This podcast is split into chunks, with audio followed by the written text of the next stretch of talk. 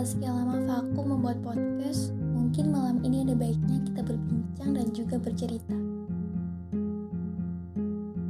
Uh, sebelumnya makasih ya, karena sudah mendengarkan podcast yang tidak terlalu menarik menurutku.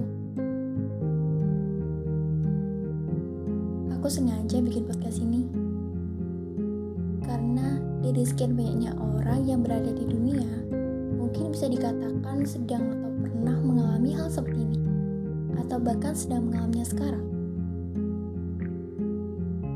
Teruntuk kalian yang mendengarkan podcast ini, aku mau tanya satu hal deh. Di mana sih tempat pulang kalian? Rumah, apartemen, villa, asrama, atau kos-kosan? 50% orang akan menjawab seperti itu. Sisanya mungkin akan menjawab dengan jawaban, aku tidak punya rumah. Lantas, gimana kalian akan pulang jika kalian tidak punya rumah? Rumah adalah tempat di mana kita singgah. Gak hanya singgah, tetapi juga menciptakan suasana kenyamanan yang begitu berarti. Aku gadis yang baru saja menginjak usia ke-17 tahun.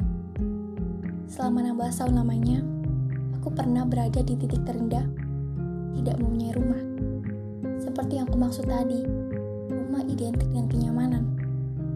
Sementara, aku pernah merasa tidak mau punya rumah, ingin pergi, beranjak, dan meninggalkan dunia yang begitu kejam.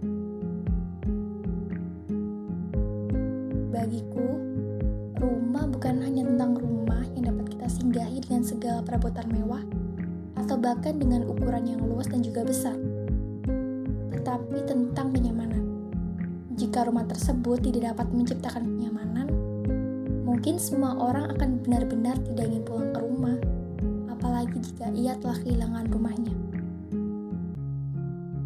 Aku pernah titik terendah seperti itu, tidak mempunyai rumah hingga aku juga membenci kata pulang. Di mana aku akan pulang sementara aku tidak mempunyai rumah? Sederhananya saja sih, Rumah yang aku maksud adalah seseorang yang siap menerima segala keadaanku, entah aku senang, sedih, kecewa, ataupun marah. Mungkin sedikit dari kalian tahu siapa yang aku maksud. Sisanya hanya menebak.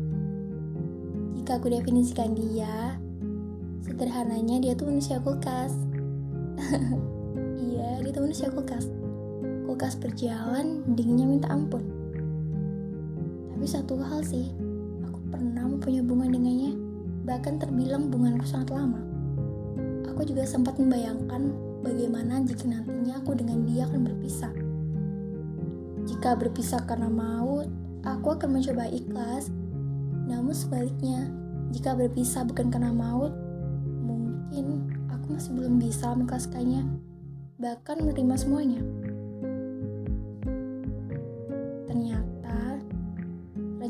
Tuhan lebih indah. Entah kenapa bayanganku waktu itu benar terjadi di kehidupan nyata. Ditinggalkan olehnya membuat aku merasa soal kehilangan rumah. Bagaimana bisa jika selama aku mempunyai hubungan dengannya tidak satu pun dia menyakitiku.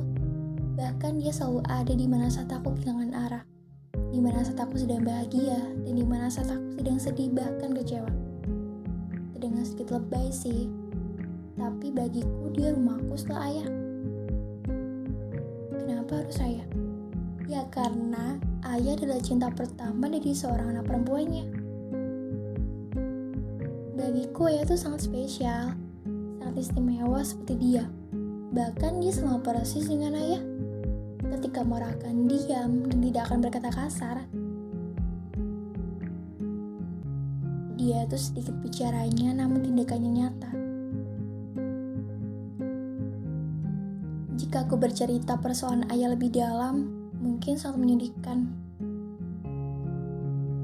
Perlu kalian tahu, di titik terendahku, aku kehilangan kedua orang yang sangat berpengaruh dalam hidupku. Setelah aku ditinggalkan olehnya, ayah juga ikut meninggalkanku untuk selamanya. Setelah aku kehilangan rumah kedua, aku juga ikut kehilangan rumah pertamaku.